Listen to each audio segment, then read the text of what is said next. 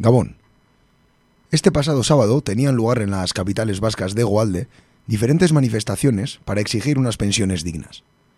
Una vez más, decenas de miles de personas salieron a la calle para reclamar el derecho de las personas jubiladas a poder vivir en condiciones humanamente aceptables, mediante pensiones que sean públicas y no sirvan a grandes entidades para amasar beneficios a través de planes de pensiones privados. El hecho de que una masa social importante esté saliendo a la calle para reclamar sus derechos es sin duda positivo. Las grandes movilizaciones que se llevan celebrando desde principios de año están resultando ser aire puro para una sociedad que tenía su carácter movilizador oxidado. Además, la presencia de cada vez más capas de la sociedad en estas, estudiantes, trabajadoras, parados, está dando a este movimiento un carácter transversal que lo hace aún más interesante. Aún así, el mero hecho de pensar que muchas de las personas que ahora se manifiestan por las pensiones son las mismas que en su día tomaron parte activa en las luchas obreras de los años 70 y 80 pone de relieve la carencia de concienciación social y política existente en nuestra sociedad. La ausencia de una juventud luchadora que pueda ser la palanca para un cambio social supone un vacío complicado de llenar. Los cambios de esquema en las sociedades del siglo XXI siguen sorprendiéndonos. De tener la idea preconcebida de que la vanguardia de las luchas sociales correspondía a las y los obreros, hemos pasado a una demostración de fuerza de aquellos que luchan estando ya en el retiro. Veremos hasta dónde puede llegar todo este movimiento y si es posible mantener la cohesión demostrada hasta ahora. Hemen hasten da, gaur egun. Guten Tag, meine Damen und Herren. Entering the United States. C'est la lutte contre le terrorisme. Katea ez da eten. Agirre, garaikoetxea. Gaur egur. Gaur egur. Gaur egur. Jolasten eta enredando.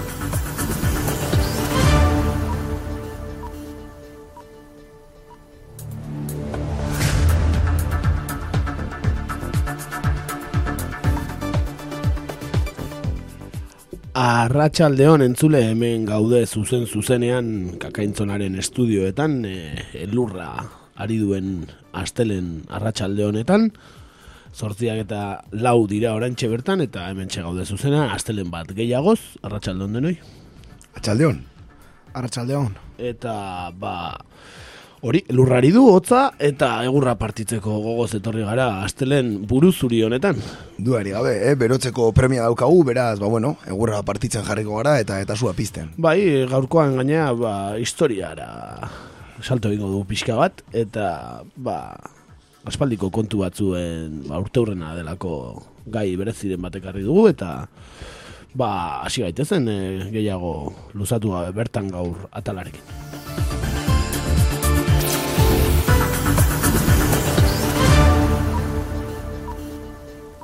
Bertan gaur.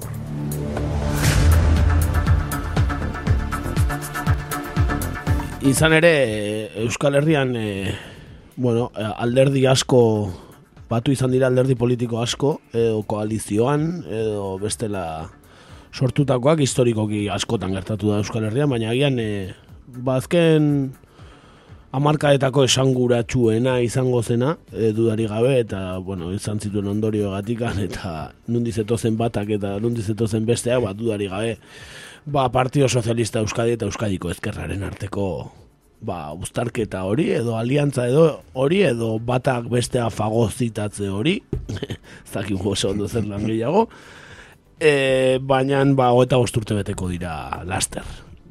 E, PSE Euskadiko alderdi sozialistak eta Euskadiko ezkerrak esan bezala bat egin zutenetik hogeta bosturte. Beteko dira laster. Zehazki, mila bat da laro eta amairuko martxoaren hogeita zazpian egin zuten konvergentziarako kongresua, orduan e, datorren astean izango da hogeita bosgarren urturrena, baina nola aste santua den, ba, Bilboko harria gantzokian larun bat ontan. Egin zuten ekitaldia PSE Euskadiko ezkerrak leku berean ura gogoratzeko. Ba, ukate zer ospatu. Ondo gogoratu gainera. Bindarrek bat egitea, etzen gauza berria, eh, Euskal politika gintzan, Euskadiko ezkeraren barruan, eiak eta EPKak bat egin zuten, laro batean, EMKak eta LKik berdin egin zuten laro maikan zutik sortzeko eta bestelako esperientziak ere egon ziren. Baina PSE eta Euskadiko Ezkerraren arteko uztartzea desberdina izan zen, kualitatiboki zein kuantitatiboki. Duari gabe, zeren gainera bi kultura politiko erabat diferenteak ziren. E, jatorri desberdinetatik abiatu zirenak. Bata, e, meretzigarren mendearen amairako langile mugimenduan zuen jatorria batek, e, PSEek, eta ezkerreko abertzaletasunean berriz Euskadiko ezkerrak. Eta bideak ere desberdinak izan ziren. Marxismotik sozialdemokraziara, independentismotik autonomismora. Baina azkenean bi bide horiak gurutzatu ziren bakarra osatu arte. Esan dezakegu marxismotik sozialdemokraziara eta independentismotik autonomismora alderdi bakarrak egin zula bidea, beste abertan zegoen, ja, ez? Ala, pentsatu nik ere, ez? bai, bai. Eh, ez da erresa garai hartako deklarazioak eta aurkitze interneten, ez daude asko, eta baten bat ekarri dugu apiska goratzeko garai horiek, eta hemen dugu ba, Juan Mari Bandres, orduan e, burua izan zena, ez, Euskadiko Ezkerrakoa, eta ba, Madriden e, diputatu, eta bar. Bueno, ba, entzun dezagun nola lehenik eta behin nola gazteak ulertzen zituzten beraien garaian, ala dio. Euskadiko Esquerra comprende que un joven no quiera vestirse un uniforme ni con los milis ni con los militares. Horixe, esan zuen bandresek, mitin batean, eta, bueno, con los milis ez eta con los militares ez, baina, bueno, beraiekia militaren lagun izaten bukatu dute, batzu behintzat. Bai, incluso talde militarrak sortzen ere, bai. E, koalizio gisa, eh, ziruro gehieta ama zazpian, sortu zen Euskadiko Ezkerra, ekainaren ama bostean, egin beharreko hauteskundei begira, eta EIA eta EMK ziren osagai nagusiak. Ama bat urteko ibilbidea izan zuen, eta oso denbora laburrean mugimendu ugari egin zituen. Laro gehieta batean, konvergentzia prozesu bat egin zuten EPK Euskal Partidu Komunistarekin batera, eta laro gehieta bian, koalizioa izateari utzi eta alderdi politiko izatera pasatu ziren. Baina antolatzeko moduarena baino, e, ikusgarriagoa izan zen bilakaera ideologikoa. Euskal Estatu sozialista aldarrikatzetik, autonomismora, sozialdemokraziara eta Espainiako konstituzioari erabateko baiezkoa ematera iritsi ziren eh, gero entzungo dugu moduan. Kepa Ulestia, egon darroan jaiotakoa, eh, mila bederatzi da berrogeita maseian, Euskadiko ezkerrako idazkari nagusia izan zen, mila bederatzi da larogeita bostetik larogeita marrera. Politikan, beti daude bi motatako alderdiak batzuk, nola baita esatearen, estrukturalak dira. Eta beste batzuk aldiz, kojunturalak esaten du. Hori esan beharko. Hogeita urte geroago argi ikusten da Euskaiko ezkerraren esperientzia kojunturala izan zela dudari gabe, transizioari, lehen autogobernuari eta garai hartako errealitateari lotua.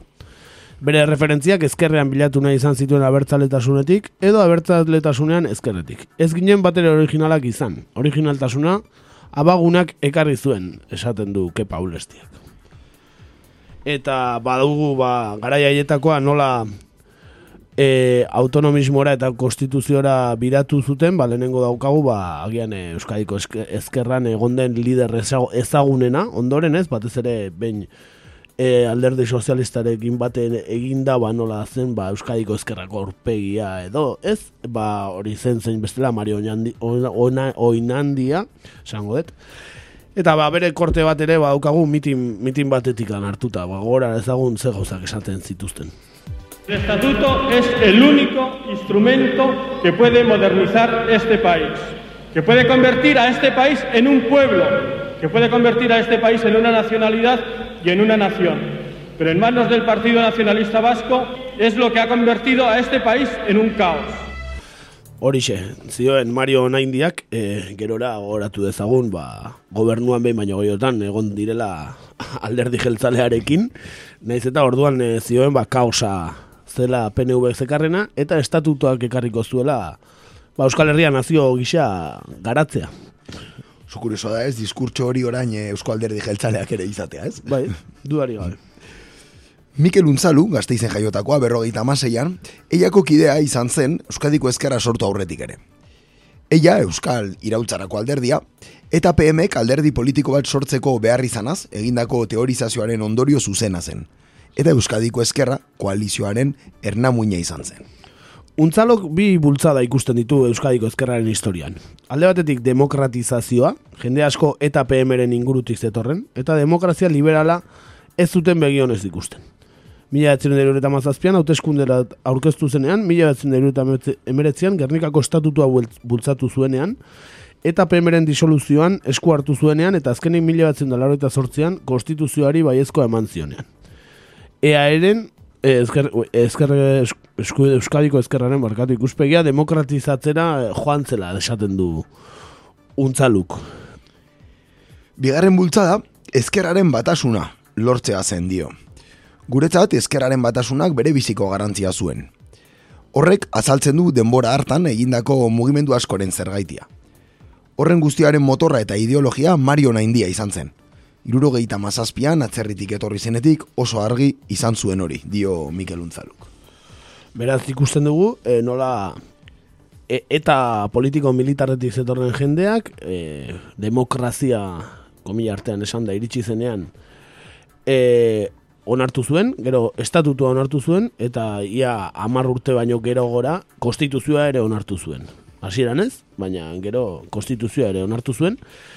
Hori dena, bost urte geroago, ba, ba PSR-ekin ba, koalizioa egin eta gero edo koalizioa esatea ere gehiagik iruditzen zait, zeren ez dut uste koalizioa nik ez. Asimilazio prozesua bai. eh? bueno. Eta PSN, ba, beste ezaguna gereukan Ramon Jaurek izen idazkari nagusia hau ere beretan e, ezaguna, zo zer esateatik. Kurrikulum handia duena. Bai, e, eta Mario Oñaindiarekin batera, ba, konvergentzia prozesuaren eragile nagusia izan zen. E, Ramon Jauregi ondo torri zitzaion berari. Dioenez, prozesua abiatu aurretik ere, ibili ziren bi esparru politikoaien arteko harremanak lantzen. Alde horretatik, mila batzen dela horretaz azpiko, EAJ-PS koalizioa gobernua mugarri izan zen aldez aurretik egindako negoziazioetan harreman pertsonal oso estua garatu baitzuen Euskadiko Ezkerrako zenbait kiderekin. Mario Ñaindiak, Xavier Markiegi, Juan Manuel Egia Garaik, Txiki Benegasek eta Bosto kuadrilla moduko sortu genuen, esan du eh, Ramon Jauregik. Bueno, ondoren eh, Euskadiko Ezkerraren azken urteak, eh, etorri ziren, laro gita bederatzitik eh, aurrerakoak, eh, oso, oso zalapartatxuak, suertatu ziren, alderdia erdibiturik zegoen, e, barne arazo eta liskarra hondiak zituzten, eta eta horren ondorioz ba estizio bat iritsi zen. Desadostasunen arrazoi nagusia izan zen Euskadiko ezkerran zeuden bi pultsioak. Abertzalea eta ezkerrekoa. Bateratzeko zailtasuna. Ala dio aulestiak behintzat. Austura hortik etorri zen. Ezkerra eta abertzaletasuna ez direlako hain erraz ezkontzen. Baina bestelako arrazoiak ere egon ziren. Orain esan dezaket, baina bandresek, oraindiak eta irurok oso geizki amaitu genuen desberintasun politikoetatik aratago. Batera ezintasunak sortu ziren eta inoiz ez da jakiten desberintasun politiko eta ideologikoek pertsonen arteko urruntzea sortzen duten edo alderantziz, seguru asko biak batera suertatzen dira. Gu ez ginen gauza izan gure arteko harremanak beste modu batera kudeatzeko dio. Sektore batek Euskal Ezkerra EUE e, izen hartu zuen, laro eta mairuko hauteskundeetan, Espainiako gortetarako hauteskundeetan, eta EA, EArekin, Eusko Alkartasunarekin koalizioan e, joan zen, eta oso emaitza txarrak hartu atera zituzten. EUE, Euskal Ezkerra, ba, desagertu egin zen horretik aurrera. Euskadiko ezkerra zilekin gelditu zen sektoreak berriz, PSera hurbiltzeko prozesu bati ekin zion, guk pentsatzen genuen sozialdemokrazia indartu behar zela, eta Euskadin hori PSerekin bat egitea zen dio unzaluk. Horrere, ona indiak zerikusia handia izan zuen, naiz eta ordurako bera Madrilen bizi zen. Ni Euskadiko ezkerran egon nintzen bitartean PSR-ekin bat egiteko proposamena ez zen azaldu esan du kepa ulestiak. Bitxia da, alde batean geundenoi, eara joan nahi izatea leporatzen ziguten esko alkartasunera. Eta horrek seguru asko jende asko beldurtu eta beste aldera lerrokatzea eraman zuen. Beti esan dut austuran gehiengoak gutxiengoak aleratu zuela. Eta gehiengoa erdia gehi bat zirela eta gutxiengoa erdiaken bat. Hala ere, erdia gehi bat horrek ez zeukan PSR-en sartzeko asmo adostu bat, asmo hori ezkutuan mantendu zen, dioke paulestiak. Eta baukagu oina indiaren azken e, korte bat, ekarri dugu, Mario indiarena, ba nola pasatu ziren lehen esan bezala, autonomismoa onartzetik, baina konstituzioa ere onartzera, eta lehen aipatutako ba, nazio garatze hori, ba, pixkat, alboratuta geratzen da, urte batzu geroago Mario indiak dioenarekin. Porque no hay que pensar mucho en Euskadi para conseguir la normalización política y la paz. Solo hay que respetar los semáforos, los semáforos de las calles, el semáforo que nos hemos dado todos los vascos, que es el Estatuto de Guernica, y el semáforo que regula el funcionamiento de las nacionalidades y regiones de España, que es la Constitución. Gracias. Gracias a ti, Mario. Benetan argi utzi digu Euskadiko ezkerraren eh, biraketa totala, ezta? Desde luego, sintesi kapazidade ikaragarria, eh? Bai, bai. Hogei Ba, segundutan nazio, dena esateko nazio garapenetik eh, aurreko komentariotik, oraingo todas las regiones y nacionales de España dentro de la Constitución. Va, gualdea, eh? Bai, eh, erderaz esaten bezala, más claro agua, ez da? bueno, Euskadiko ezkerraren bosgaren kongresuan, eh, laro gehitamabiko txaian, eh, onartu zen sozialisten ganako urbiltze estrategikoa abiarazteko egokitasuna, eta errealitate nazionala modu positiboan bere egingo zuen ezkerra eraikitzea. Sozialistekin negoziazioak hasi zirenean Euskadiko Ezkerrako kideen azken helburua zen bi indarren arteko uztartzetik alderdi guztiz berri bat sortzea. Kataluniako PSC zen haientzat eh, erreferentea. Baina negoziazio prozesuak aurrera egin ala, argi gelditu zen gauzak desberdin izango zirela hemen. Beti izaten den bezala. Euskadiko ezkerra nahiko ahulduta joan zen prozesura esaten duen zaluk. Eta egia da hasierako itxaropenak e, ez zirela bete. Argi hitz egin da, Ramon Jauregik eta beste batzuek bete-betean sinetsi zuten prozesu hartan, baina PSN egon zen ura marketing operazio gisa ikusi zuenik ere. Prozesu hauek izan ohi dituzten zailtasunak izan zituen ark ere azaldu du Ramon Jauregik. Gu saiatu ginen absortzioaren irudia usatzen. Hau da, PSEek Euskadiko ezkerra irensten zuela. Bazegoelako alderdi handi bat eta alderdi txikiago bat. Eu- Euskadiko ezkerra esizio batetik zetorren eta gure gandik gertuen zegoen aldean, aldeak Jon Larrina, Larrinaga buru zuenak, nolako neurriak izango zuen inork ez ba, ez da bozetan ere, ba, gainera alderdi handiak bere egin behar izan zituen txikiaren zorrak. Baina gure asmoa beti izan zen, berdinen arteko uztartzea sustatzea dio Ramon Jauregi, ba, ez zuen gehiagi sustatu, ez? Bai, etzen oso ondo atera, ez del luego.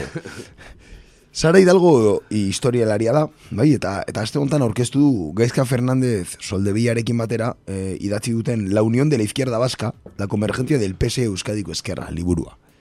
Bueno, titularra esanguratsua, eh? Bai, La Unión de la Izquierda Vasca, la convergencia del PS Euskadiko Ezkerra. La socialdemokrazia vasca igual hobeto zegoen. Azaldu du Euskadiko ezkerratik atera zen sektoreak indar handiagoa zuela Gipuzkoan eta Bizkaian aldiz PSE-rekin bat egitaren aldekoago zirela. PSEen gauzak asko simplifikatuz alderantziz gertatu zela esan daiteke. Gipuzkoan prozesuaren aldekoagoak ziren, baina Bizkaian soziologia desberdina zen, ezkerraldean batez ere Bilbo ezkerraldean eta beste modu batera ikusten zuten. Dena dela nik ez nuke esango kontra zeudenik. Kongresuan konvergentziaren kontrako boto bakarra egon zen. Fernando Mujika gipuzkoarren, hau ere esanguratsua. Guk gehiengoa erdietxiko zuen alderdia sortu nahi genuen. EAJ-ari gaientzeko gauza izango zena esaten du Ramon Jauregik.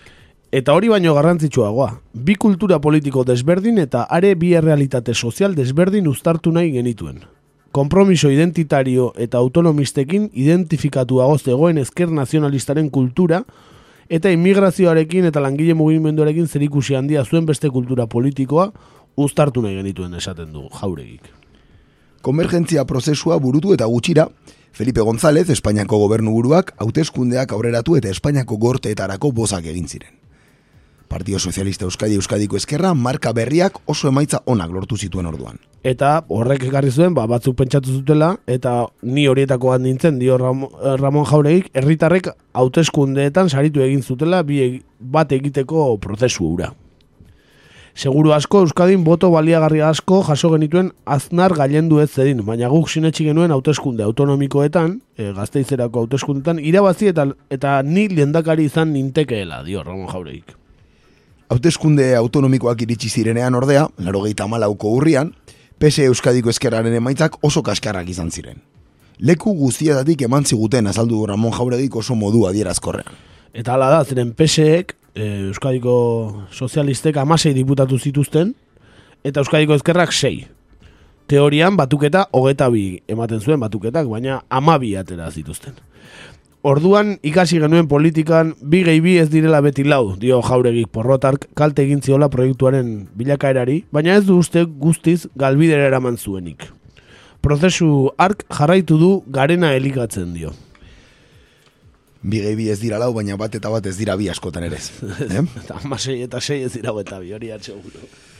Ramon Jauregi gogoan du urrengo urteetan, e, ona india eta bera saiatu zirela proiektu berriaren soslaia definitzen, eta horrek mugimendu batzuk egitera eraman zituela. Adibidez, e, Mario India tematu zen egunkariarekin akordio zabala erdietxi behartzela. Eta akordio hori bultzatu zuen. Pentsatzen zuelako, EAJak ezin zuela euskalgintzaren bitartekaritzaren monopolioa izan.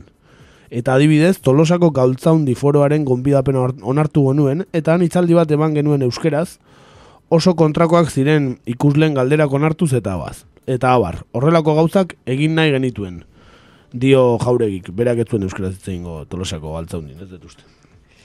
Untzaluk ere aitortzen du zapustu antzean gelditu zela proiektu berriaren mugak ikusita. PSE Euskadiko Ezkerraren batzorde eragiletik atera nintzen sartu eta urte betera. Eta militante izaten jarraitu nuen arren, politikaren lehenengo lerroa utzi eta nire lanbidean aritu nintzen, 2000 eta bederatzean, Patxi López lehendakaritzara iritsi eta deitu ninduen arte. Patxi Lópezek Euskadiko Ezkerrako jende asko berreskuratu zuen, dio untzaluk. Jauregik ere uste du Lopezen agintaldiak neurri batean berreskuratu zuela konvergentziaren espiritua. Zer esate batik. Eta nola berreskuratu. Bai, oso ezberdina da berrizke paulestiaren balantzea. Euskadiko ezkerran gaunden hone, euneko amarrak baino ez zuen parte hartu konvergentzia prozesuan. Berreun da hogei bat lagunek. Horreko ez du esan nahi austura gertatu ondoren beste batzuk afiliatu ez zirenek konvergentziaren atarian. Geroago Euskadiko ezkerrako militantetzat agertu diren batzuk nik ez bai ditut inoiz ezagutu. Baina Euskadiko ezkerraren afiliazioari dagokionez, ez zen konvergentzia prozesurik egon. Suposatzen dut itxura aldetik PSE singlen ondoan EE, e, Euskadiko ezkerra jartzeari, ongi iritzi ziotela, eta horrek eraginen bat izango zuela. Baina ez dituzte inoiz horri etekenik atera diotenik. Eta edo horregatik baskistago bilakatu direnik, dioke Paulestiak. Hidalgo kaldiz uste du konvergentziak lagundu zuela gai batzuk normalizatzen, Euskararen erabilera esaterako, PSEri balio handiko kuadroak ekarri zizkiola eta ezkerraren batasuna indartzeko balio izan zuela.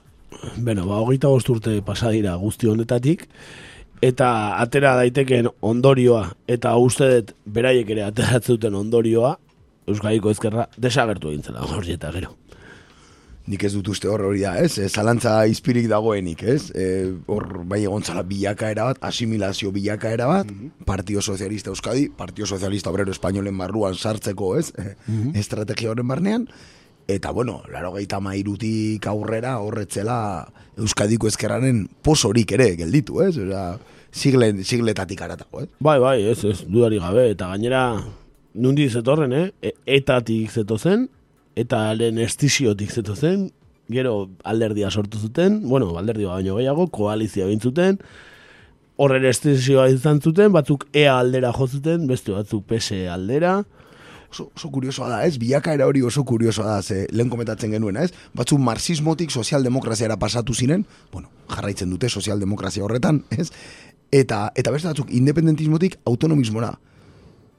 Baina hortik e, eratorritako batzuek, Eusko Alkartasunarekin aurkezteko autua hartu zuten, ez? Bai, oso, oso, oso biakera kuriosoa da, ez? Bai, sozialdemokrazia ere bai, ez? Bai, bai. Eusko bai. Alkartasunak bintzat, ala, esan du beti, sozialdemokrata direla. Eta dudarik ez dagoena hor zegoen jende kopuru hori alde askotara mugitu dela. Batzuk HB sortu zenean HB-ra joan ziren, beste batzuk e, PNV bukatu dute. Duare, bai. Beste batzuk e, alderdi sozialistan barrenatu ziren eta eta koalizio edo fagotzi zatze honen ondoren bertan geratu dira. Danetikan eh, danetikan. Bakoitza alde batera joan da ez? Nik uste argi dagola zenbaterainoko koesio falta zu zeukaten beraien ideietan edo zenbateraino ez zeuketen argi bakoitzak zer nahi zuen zeren hainbeste sakabanatzea hor zeuden e, pertsonak gero beste alderdietan e, benetan ikaragarria da Bai, desde luego, ez, eh, investigazio bat egiteko modukoa da, ez, Euskadiko ezkeraren e, bilakaera hori, ez, soziologikoki oso gauza bitxia da, beste herrialde batzutan gutxitan irakurri izan dudana, desde luego, ez, mm hainbeste, ez, zuk esaten dezuna, menestra guzti horretan, nola, nola banatu diran azkenean, ez, pertsona horiek, e, ia alderdi guztietara joan. Bai, bai, bai. Alderdi ba, popularrak enduta, seguraski, bate mate gongo. Igual, igual, igual, bat alderdi popularra, baina. Bai baina duari gabe, bai, bai, honek demostratzen du, hasierako ez, e, alderdi mugimendu horrek, ez, zuen koesioa oso, oso apala, oso haula zala, eh? Eta konbikzioak, ez? E, o EAJ kritikatzetik zatoz, Euskal Burgesia kritikatzetik, eta beraiekin bukatzen duzu, edo independentzia aldarrikatzen duzu, eta autodeterminazioa aldarrikatzen zuela Euskaiko Bai, ezkerrak. bai, bai. Eta PSN bukatzen duzu, autonomia bat eta konstituzio bat onartzen. Bueno, benetan, ez dakit, nik ze- zenbateraino siniste zuten beraiek eh, esate zutenan, edo zenbateraino gustatzen zitzaien poltrona. Hori, ez ambizio pertsonalak zenbaterainoko papera zeukan, ez? Bai. Euskadiko eskerraren barruan. Bai. Eta gero, azpimarratu beharra dago, eta nik uste oso importantea dela prozesu, bueno, prozesu guzti honen zati importante bat, garai iunenetan gertatzen dela, hau da, galen garaietan, ez? Gertatzen dela prozesu guzti hori, eta inork ez duela eh, auzitan jartzen PSR-ekiko harreman hoiek estutzen joatera, ez? Laro garren amarkada horretan, harreman hoiek estutzen doaz, galaren, gala, galen aktibidadearen, bueno, vamos, eh, Bai, bai, zitzaian importa galen aktibidadea, e, ba, PSR-ekin e, batzerakoan, naiz eta ordurako bazoden zantzuak e, gobernuak eratutako e, ba, paramilitarrak zirela eta gobernuan Felipe González egoela, X jauna bezala ezaguten duguna orain, ez eta inoiz ez zuten onartu. efectivamente, areta gehiago, eh, Euskadiko, Euskadi, Euskadiko ezkerrarekin eh, negoziatzen zuten hainbat pertsonek, eh, bueno, galen orbitaren oso gertu zeuden. Eh, Ramon Jauregi esate baterako, adibidez. Bai, adibidez, eh? adibidez, eta orduan zen e, PSeko idazkari nagusia, Edo- gero ministro eta denetik izan da. Edo Julen Elgorriaga, edo, bai, hau da, eh, kide asko, hor, eh, mundu horretan mugitzen ziren pertsona askok, parte hartu zutela ondoren, ez, koalizio hau sortzen. Eta, bueno, eh, bueno, baude pertsona hoietako asko auziperatuak izan ziren, galengatik. Bai, Bai, bai. ja judizialki hitz egiten, eh? Bai, bai, pasatu ziren e, diktadura frankista armekin borrokatzetik e, suposatzen den demokrazia batean e, e, e, talde armatu bat armekin e, talde armatu baten kontra armekin borrokatzera demokrazia deitzen zioten horretan e, benetan kuriosoa arma, arma gustatzen zitzaela dirudi Bai, desde luego, desde luego, ez, alde batea eta gero bestera, ez?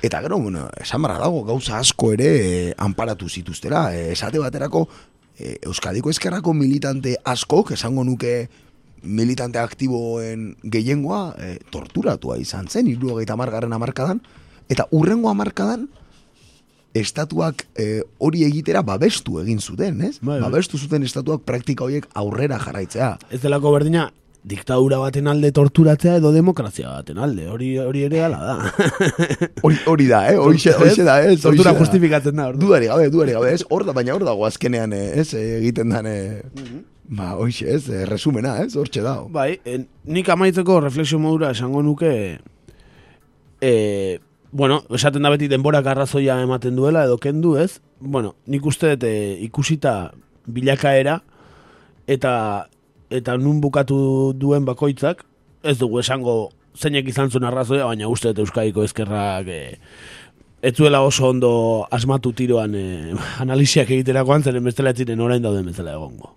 Duari gabe, hor, bai, bai, estrategikoki oso kaskarra izan zan Mario Naindiaren gestioa, ez? E, e, areta gehiago Ramon Jauregik esaten zuen bezala, ez? Nola, e, ba, bueno, egunkariarekin akordio bat lortu nahi zuten, euskal gintzaren munduan, beraien burua sartzeko, ez? E, intentsioak zeuden, e, bueno, a ber, argi dago, e, PSek ez duela e, inoiz borondade alderdi bezala behintzat, e, borondade zintzorik euki euskal gintzan sartzeko eta euskararen munduan murgiltzeko. Batez ere ez diolako redito elektoralik ematen horrek. Eta gainera esaten du EAJ zelako bestela horren monopolioa zuena eta hori oso kritikablea da, zeren e, ezkerra bertzalea HB ere e, Euskal Gintzan e, oso barneratua egon da. Duari gabe, duari gabe, ez? Eta beste faktore ere batzuk egon dira, ez? Alderdietatik aratago, ez? Noski, E, noski. euskal gintzaren munduan Noski, noski ibilitakoa. alderdi batera ere lotzen etzaion jende asko egon da Euskal Gintzan, hori aparte. Ei, esan, eh, onartu barra dago, eh, soziologikoki Euskadik, oza, bueno, batez ere PSeko, eh, ba, bueno, oinarri sozialeko jende nahiko gutxi izan dela, ez mundu horretan, historikoki. Bai, Egon bai, baina... Euskaliko ezkerrakoak gehiago, indikan ere pesetik etorriren, ba, Ramon Etxezarreta eta da. ikusitazkegu, ba, ba, berria baten idazten, edo, ez, Euskal, Euskal Gintzaren munduan, o Felipe Juaristi eta holakoak, baina, e, bueno, e, gutxiengoa dira, eta gainera e, alderdi sozialistan ere ez daukate aginte makilik. duari gabe, ez? Eta, eta bueno, ba, hortxe, ez? Hortxe gure historiaren zati bat, ez? Gure historiaren Bai, zati bat. historia iluna, esan dezakegu. Bai, Igual haien historiaren zati bat esan marko genuke, baina ez gure historia ere badatu. Bai, bai, dudari gabe. Euskal historia dudari gabe. Hogeita bost urte betetzen dira datorren astean. Benetan kuriosoa, e, antzegoen panoramatikan e, zein den oraingoa, eh? E, Zan nahi detena da, daude alderdi batzuk ez dira aldatu, hor daukagu EAJ, bet, betirako, betiko, eta eta beti dani. bai, bai, bai. Sekula, sekula. Alderdi popularra hor daukagu, e, pixkat ber, berritu du, izena Al- Aliantza Popular eta UCD-tik, bueno, alderdi popularrean bihurtu dira, sozialistak hor segitzen dute, pesek, eta gero dago ezkerra bertzalearen espektro guzti hori Eusko Alkartasuna bat egin dutena EH Bildun, eh? hori ere analizatzekoa, nola izan den bilakaera. Este saio batean igual. Bai, eta gero daukagu Ciudadanos ez dakigula sartuko den, eta gero aldugu Podemos, ez? Batzuk eh, diotela, agian Eu- Euskadiko ezkerraren batzuen eh, igual eh, sinesmen hori, igual agian hobeto irudikatzen duela orain aldugu Podemosek. Hori ere izan daiteke. Bai, bai, bai, ala da, izan daiteke, ez? Pozo horren edo historia horren, ez? Ba, ba bueno, eh, beraunadi berriak esate baterako, edo baita ere lehen Euskadiko eskerran egondako jende batek, eh, identifikatu eta ikusi dezakela bere burua, ez? Bai, bai. Diskursoa Agian ere. P- PSN baino gehiago. Hori da. Nun eh, Euskadiko ezkerra PSN dagoen. Bai. Agian horren tankerako pentsamendua dauken jendeak igual gehiago jodu Podemos aldera orain. Duari gabe, eta gero, nik nahiko nuke, eh, amaitzeko nire aldetik behintzat, eh, esate oso kuriosoa dela entzun dugun diskursioa autonomismoaren inguruan, ez? Eta eh, estatutuaren inguruan, eh, ia euskal politika gintzako alderdi guztiek kanparatzen duten eh, diskursoa dela. Bai, bai. Espainiaren barnu, barnean gere, existitzen nazioak edo nazionalitateak, ez? Hori da hori da Kataluniako estatutuan ipintzen zuena, eh? Bai, bai, bai. eh, atzera bota zuten Kataluniako Bai, bai, estatutu duari. horretan jartzen zuen esaldia hori izan, ez? Bai, bai, Orduan- orain esango dizute batzuk amortizatuta dagoela estatutua, baina, baina no estatutuaren aurka ez, ez dago inor, orain bertan. Hori da, ez? Hori ez da existitzen dagoeneko, orain dela hamar urte bazegoen, ez? Hor eh, posizio bat eh, oso kritikoa, Gernikako estatutuarekin, estatutua hildik zegoena, bai maila sindikalean, bai maila politikoan, ez? Eh, gaur egun ez da existitzen horrelako kontestazio. Hala ere, gogoratu beharko genuke, e, Inigo Urkullu jaunak esan zuela legegintzaldi honetan estatutu berri baten plana aurkeztuko zuela. Legegintzaldia ja, kanpaia jotzen nahi da, bukaerarako, Nahiko eh? larri dabil, eh? Eta, eta ez du ezer aurkeztu, eh? Gogoratu dezagun, ba, hori, nola jendeak, eh, bueno, esaten, ditu, egiten ditu bere promesak, eta gero ez dituen betetzen, inigo urkulluk eh, errua beste alderdi bota die, ez, ez delako akordiorik egon, baina bueno, beak eh, eh, zin egin zuen eh, aterako zuela estatutu berri baten plana eta bozkatuko genuela komunidade autonomoko euskaldunok, Bueno, esan zuen. eta zai gaude oraindik eta ez da ikusten eh, gertatuko denik. Egi esan nahiko, ez, nahiko promesa pozointxua izan zen, ez, zer orain Katalunian dagoen giroarekin aurkezten duen edo zer gauza Bai. geizki eroriko da, ez? Bai, uste te cepillo derra pasabar diotela. Desde luego, rebarbatik pasagarra daka estatuto horrek, eh? Cepillo derra, nigoren flekillotik pasabar diotena. Ikusiko dugu hori ere nola doan, baina bai, bueno, gauzak, eh, bueno, ba, beti bezain naziak, eh, gure herrian. Bai, eta hori zen dena, ba, horeta, horeta bost urte ordutikan, eta garai desberdinak eta ilunak, baina bintzat e, irratxoia egingoa genu garai ebitan, ba, eukiko genuke zer hitz egin zenen askotan, orain, e, nahiko, nahiko geldi dago euskal politika gintza. Bai, ez da, batzutan kostatzen zaigu, eh, gaiak ateratzea, fundamentuzko, ez, gauza interesanteak ere ateratzea, eta, bueno, bai, esan ez gaude garai palpitantenetan, eh? Hori da.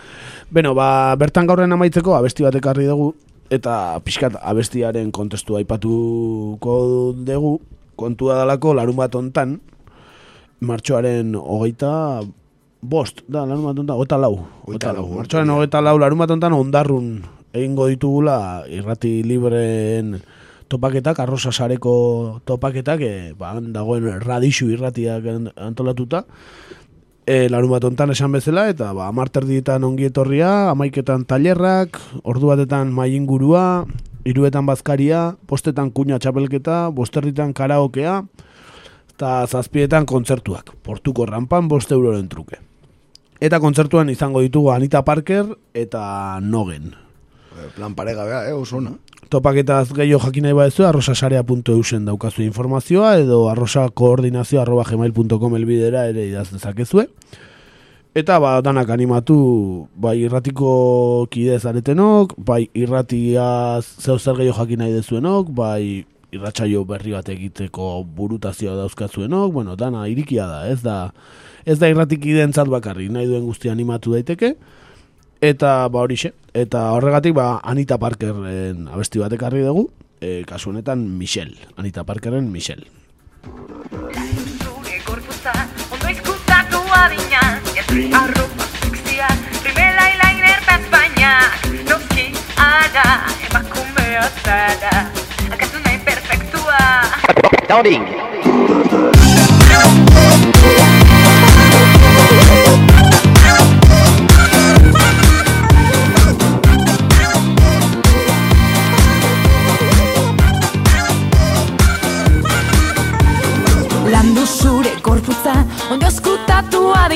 Jantzi arropa sexia, rimela eyeliner eta espainak Noski ara, emakumea zara. Akatzen nahi perfektua, erreala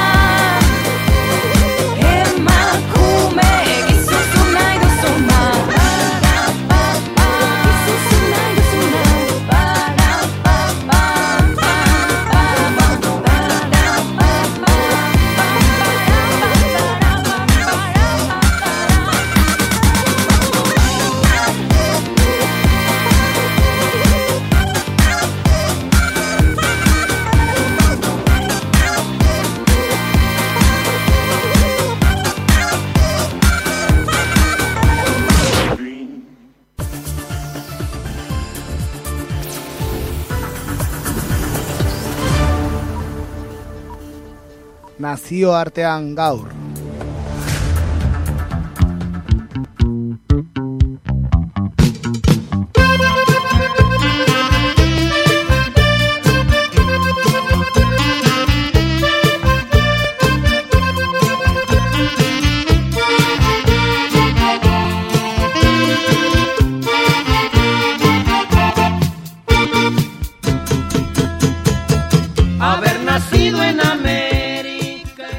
Bueno, bueno, pues nada, nos vamos eh, A América. a América, eso es, eh, una vez más vamos a cruzar el, el charco. Eh, bueno, la música dice más que las palabras muchas veces, ¿no? Nos vamos... Sí, nos vamos a México con estos corridos, ¿no? Nos vamos a México y bueno, vamos a hablar hoy de, de un producto eh, que, se, que se ha puesto de moda en las sociedades occidentales, pues por las propiedades nutricionales que tiene, pero eh, la producción de este producto está, está lastrada por muertes y sufrimiento. Ese producto es el aguacate. Sí, no es ninguna droga, ¿no? No es ninguna droga, efectivamente. Muchos... Que sepamos por ahora. Eh, efectivamente, eso es. ¿eh? Por ahora, por lo menos, muchos habrán pensado que hablábamos de, de droga. Pues no, estamos hablando de aguacate. El caso es que el hecho de que su demanda haya aumentado exponencialmente, pues está, está acarreando graves vulneraciones de los derechos humanos en México. Es el caso de- del Estado mexicano de Michoacán, hasta donde vamos a ir hoy, y vamos a conocer la, la otra cara ¿eh? del, consumo, del consumo del aguacate. El que nace aquí es americano. El color podrá ser diferente, América. mas como hijos de Dios somos Yo hermanos. soy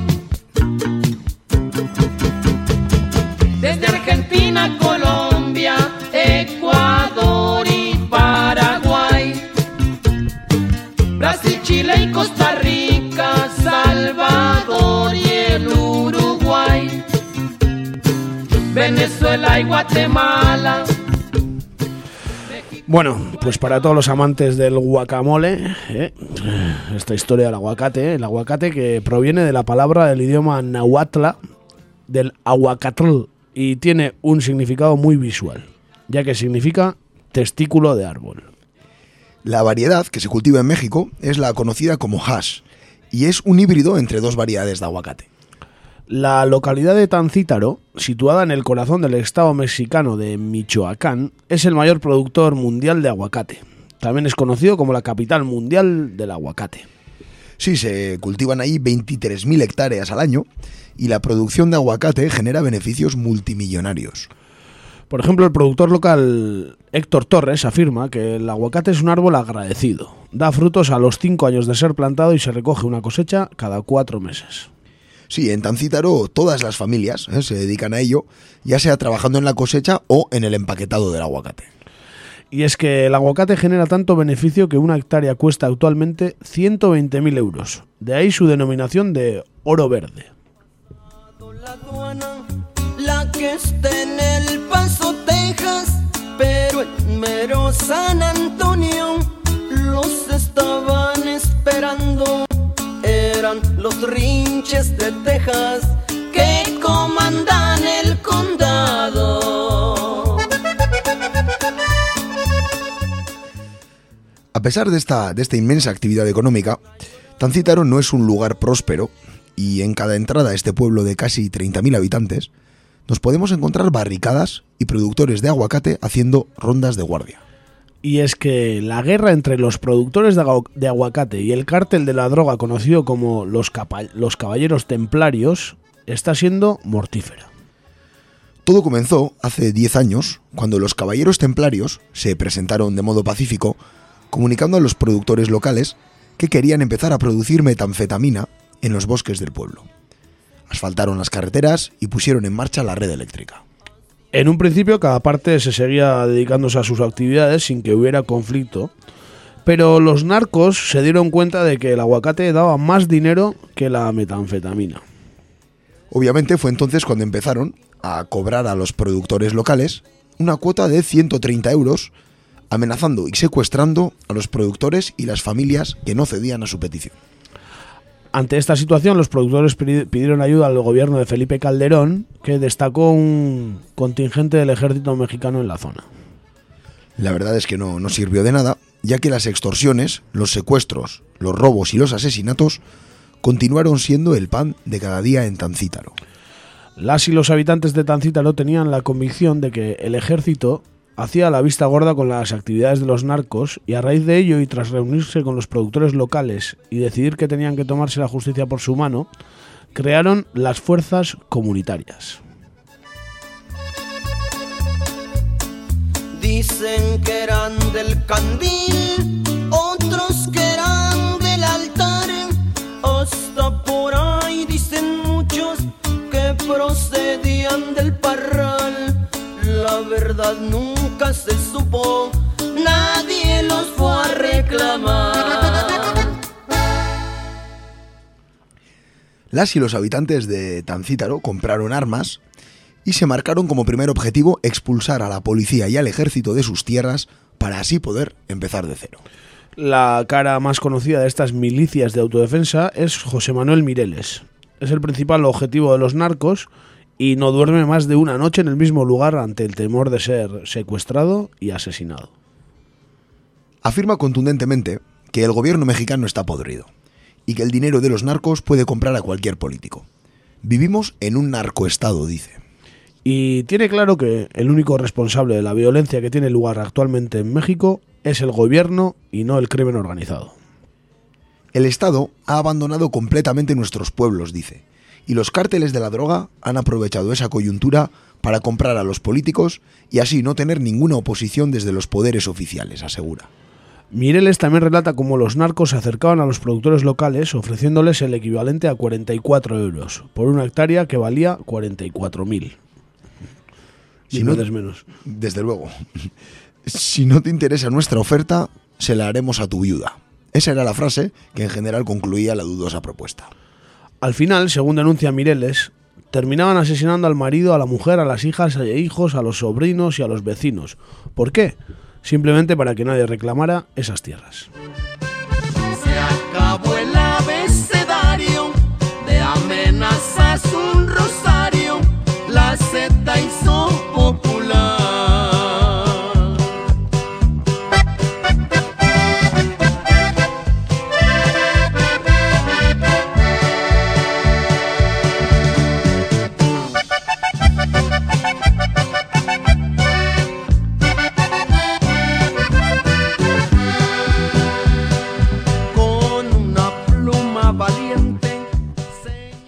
El líder de las milicias de autodefensa afirma que han conseguido liberar 3.700 hectáreas de las garras de los narcos. Tiene claro que el momento en el que las milicias de autodefensa se relajen, el crimen organizado volverá a apoderarse de Michoacán. El pueblo ha entendido que el único modo de ser libres es defendernos por nosotros mismos, afirma Mireles. Lo cierto es que tras la decisión del gobierno de Enrique Peña Nieto de restablecer el orden en la provincia, han tenido lugar varios enfrentamientos entre el ejército mexicano y las milicias de autodefensa, cuando los primeros han realizado operaciones para confiscar armas a los segundos.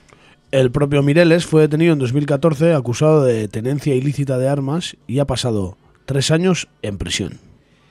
El debate en las milicias de autodefensa es ahora si conviene institucionalizar su lucha o seguir únicamente con el enfrentamiento armado. Estas milicias han creado su propia seguridad y muchos jóvenes que antes de la guerra eran agricultores visten ahora uniforme militar y patrullan las calles con fusiles de asalto. La duda ahora eh, es si existe la posibilidad de que estos jóvenes algún día caigan en la corrupción como todos los demás estamentos de esta región.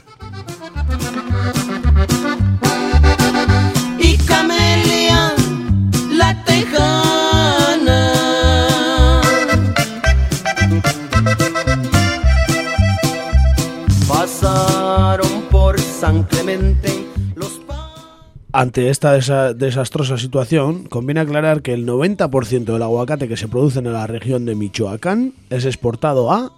¿A dónde será? A Estados Unidos, claro que sí. ¿Cómo no? La producción, además, eh, está, está creciendo sin control, ya que el aguacate también es el producto de moda en Europa y en Japón se ha convertido en ingrediente esencial para la elaboración de sushi.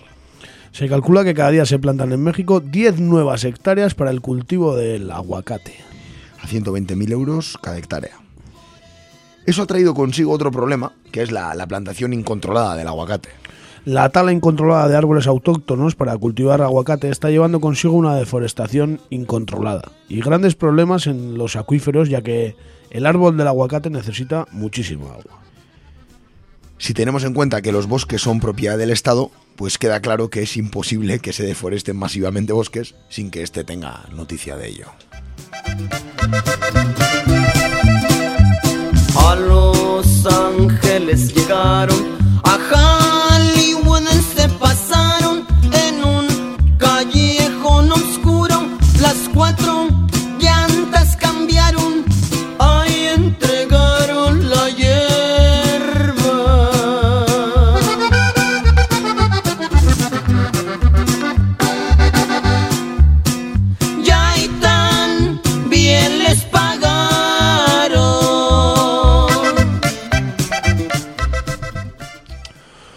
Bueno, de verdaderamente sorprendente el tema de hoy. No sé, yo al principio cuando leí el artículo pensaba que sería que el agua- vaciaban el aguacate y los rellenaban de droga y los mandaban a Estados Unidos o algo así. pero, pero no, no. Ese, ¿no? La idea preconcebida era esa también, ¿no? Yo pensé lo mismo, ¿no?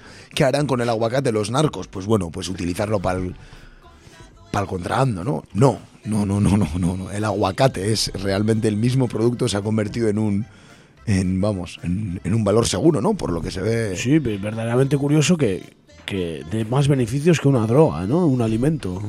Eh, un alimento que, bueno, está de moda, pero tampoco es que sea, bueno, a mí me gusta, ¿no? Pero no es un, no es un manjar que hay poco, ¿no? Yo que sé, gangulas no es caviar, o no estamos caviar, hablando de- o- Claro, claro. Y aún así que sea más, más eficaz eh, producir aguacate que, que la droga que hacen los narcos, ¿no? Es, es verdaderamente sorprendente.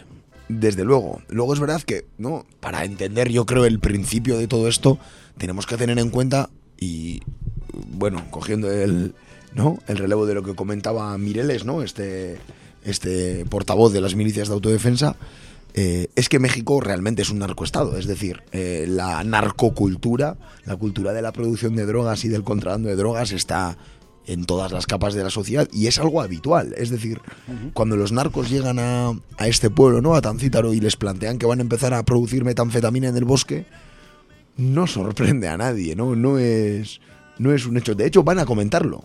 ¿No? Antes de hacerlo, van a comentarlo, asfaltan las carreteras, construyen una red eléctrica, es decir, dan un, vamos a decir, entre comillas, un beneficio a la comunidad que obviamente luego es retribuido, ¿no? A base de, de extorsión y de quitar las tierras, claro. Sí, es, es verdaderamente eh, pues muy revelador que, que hayan tenido que expulsar al ejército y la policía y haber creado sus milicias de autodefensa, ¿no? Para poder seguir cultivando el aguacate como lo hacían antes, ¿no? Antes de que seguramente cultivarían aguacate antes de que se pusiera de, moda, incluso. Eso decían, ¿no? Muchos decían que muchos de los productores, ¿no? Porque bueno, hay que subrayar también que estamos hablando de los productores, no estamos hablando de los agricultores que trabajan en las tierras, es decir, hablamos del problema que tienen los terratenientes. no quiero claro. imaginar el problema que tienen los agricultores que trabajan ahí por una miseria. Entre ¿no? terratenientes y narcos, ¿eh? Vaya fiesta tienen montada allí. Efectivamente, ¿no? El contexto es ese, ¿no? Y muchos decían que, claro, que habían heredado la plantación de aguacate de su bisabuelo, que luego la pasó a su abuelo y que, bueno, era- eran ellos los propietarios.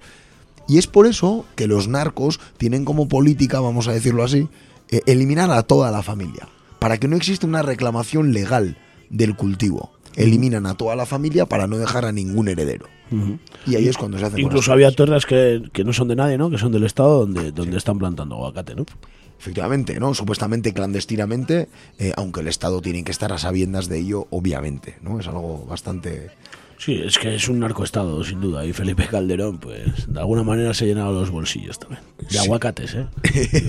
Sin ninguna duda. Y parece ser que Enrique Peña Nieto tampoco anda muy lejos, ¿no? De ese tipo Sí. de negocios. Sí, seguramente. Luego es curioso, y es por hacer un símil que no, no en, en realidad no es comparable, ¿no? Pero esta producción, entre comillas, ilegal de aguacate, porque hay una producción descontrolada, hay una producción que se basa en el asesinato de familias enteras, sigue teniendo clientes. Es decir, ese aguacate es vendido a Estados Unidos, entre comillas, de manera legal. Es decir, la exportación se realiza desde Michoacán a Estados Unidos. Hombre, que sepamos todavía no, no, no pasan en contrabando a Estados Unidos los aguacates, ¿no? Efectivamente, efectivamente. No hay mulas que van con una mochila llena de aguacates a Estados Unidos, ¿no? Creo que la, la DEA va a hacer una división aparte solo para aguacates. en la división verde, hay, en la división de- del aguacate, ¿no?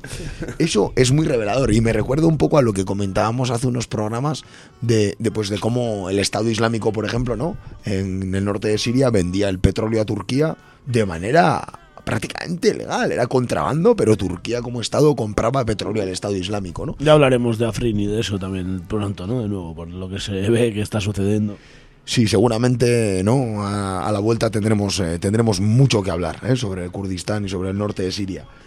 Y, y, bueno, a mí me recordó un poco eso, ¿no? Como pues, bueno, hay un negocio completamente desregulado e ilegal, pero que sigue teniendo clientela en Estados Unidos. y Claro, pero ah, tampoco es ninguna droga, no se van a poner eh, en contra de la sociedad civil de porque, porque vendan aguacate en Estados Unidos, ¿no? Entonces es, es un problema bastante oculto y bastante insignificante a los ojos de- del imperialismo yanqui y de la sociedad del primer mundo, ¿no? Así es, ¿no? No hay, no hay ningún, ningún reparo ético ni moral en, en comprar esos aguacates, ¿no? Vamos a decirlo así. Sí, sí, no, el guacamole sale perfecto. Efectivamente, efectivamente. Y bueno, pues esa es un poco, ¿no? Una historia bastante extraña, ¿no? Cuando hablamos de México normalmente eh, o hemos hablado de, de los problemas de las poblaciones indígenas o si no del tráfico de drogas o del narcoestado que es México, ¿no? Sí, ahora que está de moda tanto en series como ¿no? en televisión, en películas, pues las historias de narcos, de productores de metanfetamina, me acuerdo de Breaking Bad, ¿no? Pues todo esto, pues ahí tienen un guion, ¿no? De productores de, de, de aguacate, ¿no? Ahí tienen un, un guion para una nueva serie de Netflix, ¿no? Sí, no, no sé si es tan exótico, ¿eh? Un tío en una caravana haciendo guacamole que un tío en un laboratorio, ¿no? Haciendo droga, pero bueno, quién sabe, ¿eh? No, Al loro los que venden ahí los, los ¿cómo son estas furgonetas? Sí, food food los food truck estos que tengan guacamole que se anden al loro. que tengan cuidadito que esto puede ir mal, ¿eh? Esto puede ir mal. El miércoles todos a la feria de Ordicia. Va a vender más que el de las setas, ¿no? ya te digo. Ya te digo. Y siempre es temporada encima. ¿eh? Siempre es temporada de aguacate. Joder. Bueno, Hombre, fin. Ura aquí agua, agua, agua ya tienen. Sí. O- y nieve también. También, Pero también. Supongo que también necesitará calor y eso ya aquí está más difícil. No vamos a dar ideas que por aquí también, ¿no? Creo Sí, que hay sí. bastante. Igual con los que querían hacer fracking nos hacen ahora plantaciones de aguacate. Eso sabes. mismo, eso mismo. en las esquinas del HT. Eso es. A ver si vamos a subir a Irimo a hacer guacamole al final. Sí, sí, déjate. En Ni, fin. ni pinos ni aguacateros, no queremos. Eso es, ya vale ya. ¿eh? Bueno, pues eso, esto ha sido ¿no? un poco el tema de hoy. Y no, para ilustrar la noticia siempre una canción, ¿no? Hoy hemos traído una canción, yo creo que el título lo dice todo, ¿no? Es una canción, es una canción de Mano Negra, ¿eh? del Muy mítico histórica, grupo. muy histórica. Muy histórica. Eh, de- del CD Casa Babilón, de Mano Negra, y se llama Señor Matanza. Mm. Eh, yo creo que el título lo dice todo, Sí, muy famosa y habla un poco de eso también, ¿no? de este tipo de, de historias. Y nada, pues aquí nos despedimos con el Señor Matanza, Mano Negra.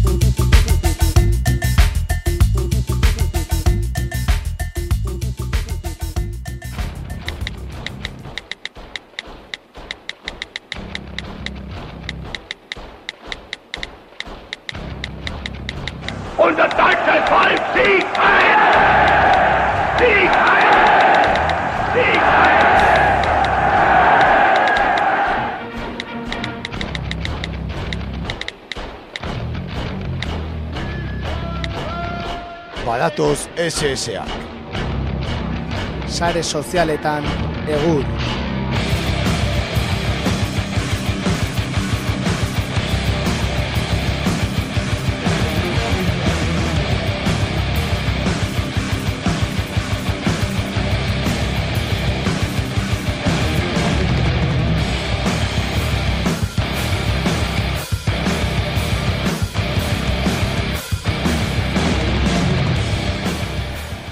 Bueno, ba, sare sozialetara paso egingo dugu. Batoz esesia. Bai. Ai, hortxe atoz. Ate joka. Hori da. Ba, hemen ere, ba, nahiko aguakate badaukagu, ez, Espainia aldean. Eta, ba, lehenengo tuitak, ba, horrela adirazten du Jonathan Martínezek, horrela dio. España es un país donde el PSOE quiere liderar la izquierda. Ciudadanos quiere liderar el movimiento feminista y el PP quiere liderar la lucha contra la delincuencia. es que... Bai, nahiko aguakate, bai. Joder, eh, da, analisi tristea, eh, baina, baina, bezain erreala, eh. Bai, bai. Joder, baina alberri bera da feminismoaren, ez, bozera maia. Bai, bai. Hori dana igual etorriko gare, atzo justo, zera, nola, eh, Jordi Ebolen programan, eh, entzuten, ¿dónde está la izquierda? Edo, bastante emantzuten, sare sozialetan bastante emantzun hitz egiteko. Errejon eta, eta ah, Inigo Errejon eta Eduardo, Eduardo Madina. Madina, Eduardo bai. Madina. Bueno, ezkerra, ba hori. Euska, Euskadiko ezkerrakoen lagunak izan zitezkeen orantxe bertan lase asko. Bai, oso kurioso, eh? Endesan dituen akzioen inguruko informazio ugari ere, eh? Atzo Twitterren, Eduardo Bai. Madina, eh? Eta Bai, zakinez. esa. Bai, beti... Beti oso eskertia. Ba, zati bat ikusun da zantzun, yo siempre he sido reformista, eta bai, bai, no tienes que por qué decirlo. no, no hace falta jurarlo con la mano en la Biblia, eh? La internacional no vas a cantar. Bueno, jarraituz, e, aste barruan e, Stephen Hawking handia hiltzen, bai, bai. eta ba, Partido Popularrak ba, bere txioa ere utzi zuen. Fallece Stephen Hawking, el genio británico que revolucionó la física en el mundo y nos la explicó de una manera más cercana, además de ser un ejemplo de superación, lucha y esfuerzo. Eta batek honela erantzuten dios de la pancetak eh, deritzonak. Si Stephen Hawking hubiera nacido en España, entre su discapacidad y las ayudas que dais e investigación, lo habría tenido bien jodido. ya te digo, bai, desde luego. Bai, bai, poco... No, no iba a llegar a hacer ni teoría de cuerdas ni nada por el estilo, ¿eh? No, no, fíjate, fíjate si explicó bien las teorías físicas y el funcionamiento de la física que Mariano Rajoy di- dijo, eso no es como la lluvia, que no se sabe muy bien de dónde cae, ¿no? Exactamente. Fíjate si lo explico bien. Lo explicó perfectamente. explicó también los agujeros negros que, que, que miró en la cabeza de Rajoy primero. Lo tuvo de cobaya, joder. La verdad es que no, no, muy buen trabajo, ¿eh? Ha tenido, en España ha tenido, ha surtido efecto, ¿eh? No, pero es verdad que ha sido un personaje muy curioso, ¿eh? Que para ser físico también su discapacidad igual le ayudaba, ¿eh? pero era, era conocido por todos, ¿no? Sí, sí, sí, sí. Es sí. difícil eso en un físico. Eso dicen, y con unas explicaciones muy, ¿no? O sea, quiero decir, una manera de socializar la física bastante, ¿no? O sea, muy, muy para todos los públicos, vamos a decir, ¿no? Se dice. Sí, con mucho humor también. Eso tenía, es, ¿no? eso es, eso es. Pues sí, nos alegramos de que el PP saque estos mensajes ¿eh? en apoyo a Stephen. eso es, ¿eh? Vale, Urrengo, a ver, vota. Vamos. No vamos a cambiar de partido, seguimos en Partido Popular, eta ba Celia Villalobosekin Hombre, jarraituko Celia. dugu. Espaldico. Una conga para Celia. Un Eta- Candy Crush para Celia. Horrela dio. ba, pentsionistei eta ba, eh, pentsionista izango garenoi eh, eskainia. Hay pensionistas que están más tiempo cobrando la pensión que trabajando. Eta bigarrena gazteontzat, Villalobos pide a los jóvenes ahorrar dos eurillos al mes para su pensión. Pa- pa- para la de Villalobos, ¿no? para, para la suya, ¿no? Hombre, a ver, al- algo sabe ella de lo que dice. Sabe de lo que habla, ¿sabes? O sea, Vale, vale, del no de trabajar sabe bastante, vamos. eh, que pasa más tiempo cobrando la pensión que trabajando, que se lo comenten a ella. Joder, ser tan presidenta del Parlamento. Presidente del Congreso Eh, Baina Candy Crushen jokatzen zuenen... Bai, bai, bai, presidente del Congreso. Na, Kongreso joan da Candy Crush. Joan da Candy Crush. Eta eukiko dun, eukiko dun jubilazioa... Ez, ez da izango makala. Latzaz, ez banaiz konfunditzen ministra izan dakoa da. Eta presidenta, eh, kamaran? Para, o, presidenta kamaran hori soldata vitalizioak edo... Bai, bai, dira, dira. Bai, bai, dituztela uste dut, gero alderdi popularraren barnean ere kargu importanteetan egondakoa da, bere sortik ere tajadiaren bat hartuko du. Eta gero goratu, atea zala baindala ez asko, nola zukaten pentsio plan pribatu bat eh, diputatu guztiek. Behartu da, gainera, ez? Behartuta. Bai, bai, bai, bai, bai. Hori, hori bai dela, eh, oain ez da hori dan dagoela era bat, eh, pentsioen kontu hau, ateatzen di alderdi guztik izketan, baina inorrek ez du hitz egiten behaien pentsio bataz. Duari, gabe. Behaien ataz inorrek ez du, eh? Behaiek ez dute kobratzen eh, euneko 0,8 bat gehiago aurten, eh? Disparate bat, hor, ez dakate zertaz hitz egin, eh? Ez, ez, hor bai ez dauketela inorrek ez erresateik. Ez errez, ez errez, bai, bai, bai. desde luego, gai batzuk ez denak horritzen dituzte, Bai, eh? Esatute, eh? Marko luketela jubilatu galderdi bat aparte. Hori da. Hor nola ukauko luke norrek, eh? Baina, oso ondo ez baina, bueno. Eh? Bai, bai, bai. Etorkizun handik ez dauka. Hori da, eh? nik uste, manifestazioetan asko zobeto doa asunto, ez da? Eh? Nik uste kalean, ez, asko, ez, A ver eraginkoa. zer- lortzen dute. Hori da, Lortzen degun, danona dela kontua. Hori da, duari gabe. Bueno, bando zaldatuko dugu, urdinetik naranjara joango gara, Opa, eta ba, eta Inés Arrimadasek ere ba, beste perla bat ere utzi du. Mi marido era nacionalista, ahora intento alejarle de eso. Es que claro, es que consumes, no, no, el nacionalismo es un problema, ¿eh? Porque al principio consumes, te regalan, el primer día no te va mal. El primer día el aguacate está bueno. Está bueno, luego te enganchas, luego te enganchas al nacionalismo. Y para cuando te das cuenta, eh. Para cuando eh, te das cuenta eres nacionalista español. Hombre, para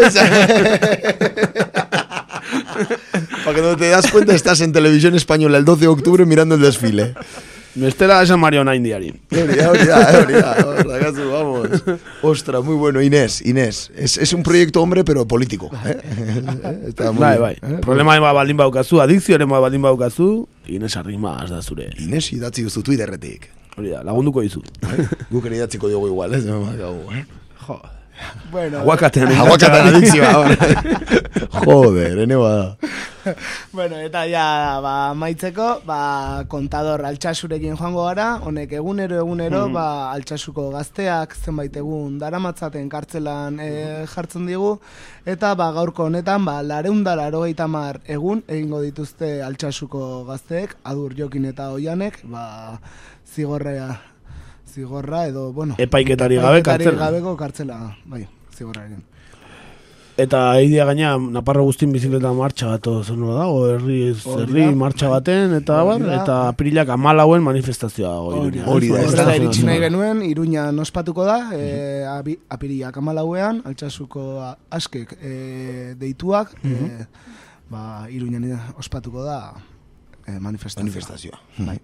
Hortxe gai hori ere ez, hor jarraitzen du, epaiketa Bai, berri gutxi. eta dugu bat orain dela ez asko ekarri genuen ere. Bai. Eta ez dauka aldaketa zantzurik momentuz. Ez, ez da itxuronik ere ez, badirudi gauza nahiko, nahiko oker doara. Bai, bueno, ba, besarka bat berriz ere altxasuko. Hori da, beste Eta bain ere. senitarteko, bai. Beste bain ere. Bueno, eta azkeneko aipu bezala, ba, Twitterrean ba, ba, apuntatuta utzi digute, eta honela dio, e, itzaldia izango dela da, e, ostiral honetan martxoak hogeita iruan, hemen urretxu zumarragako gaztetxean, eta gaia ba, zer ari da gertatzen HTko obretan e, izango da gaia. e, izlaria, urko apaulaza izango da, argiako kazetaria, eta ba, ba, bertan e, gazte asamblabak, ba, gonbidapena e, luzatzen du, eta ba, hori, ba, aipu bezala, ba, Gogoratu, entzule, igual gogoratuko ez ekarri genuen eh, horri buruz, urko apaulazak ateratako liburuari buruzko bueno, ba, kronika bat ekarri genuen, nola atxetetako obra, ba, nola zeuden lanean, e, atzerritarrak, ze... Baldintza kaskarretan, baldintza kaskarretan, eta bar, ba, bueno, liburu horren egilea da urko apaulaza, beraz, benetan intzaldi interesgarria, ostiral hontan e, urretxu zumarrako gaztetxen, zer dutan? Arratxeko seitardietan, bai. Oso ondo. Ba, bertan ikusiko gara legoan. Hoxe, nota hon bat, eh? ostiralerako. Mm? Ba, nere aldetikan, besterik ez zuenetikan. Hoxe, adena, nahiko igual ez? Bai. Nahiko egur partituta. Gehiago kasu? Bai, eh, Ah, vale, bota, bota. Ez, ez, eh, sare sozialei dagokienean, ez. Ah, vale. Esateko, ba, gaurkoan ere, ba, gure eh, lankidetako baten urte betetzea dela, ez? Eta, ba, zorionak, berari ere. Zorionak, bai. Hoxe bera, eh, hoxe bera. En- Entzuleen partez ere, bai? Hori da, eta ba, azkeneko abestia ere, ba, berari lotua dago, e, bai, mano negra ekarri nahi genuen, ba, bea oso zalea delako, baina ikusi dugu, Baina, ja, berak ekarri du. aukeratu duela, eta hortaz, ba, badakigu aurreko larun bate honetan, umeak bezala disfrutatzen egontzela berri txarraken kontzertu famoso horretan, be, kontzertu famoso horretan, eta ba, berri txarraken abesti bat, ekarri dugu, lemak eta ingurak, eta ba, berari eskainia. Asko poztuko da. Bai. Duari gabe. Hori da, venga, urte askotarako, osasuna. Bai, osasuna eta, bueno, oporren Ah, ondoren ikusiko gara. Hori da, aipatu bi urrengo bihaztetan ez dugula irratxa jorik egingo, azte santua ba, katoliko bezala oso ondo ospatzen ditugulako. Hori da, Gure jainkoak hori eskatzen digu, Hori da, ba, orain arte barau ibili gara vigilian Bai. eta berrogei egun eta espatu barra haukagu. Gauza dira bezala. Orain vigilia informatiboa tokatzen da, eh, astelenetan, ez da informaziorik, Así ezin da que informaziorik eman. ikusiko gara bi aste, ziru aste bar. Hori da, nahi gustu ikusten gara hiru astelen barru, hementxe Hori, izango hori. gea. Hori da, Bera horregatik Disfrutatu eta Eta gaiztok izan. ondo pasa oporra. Egurra.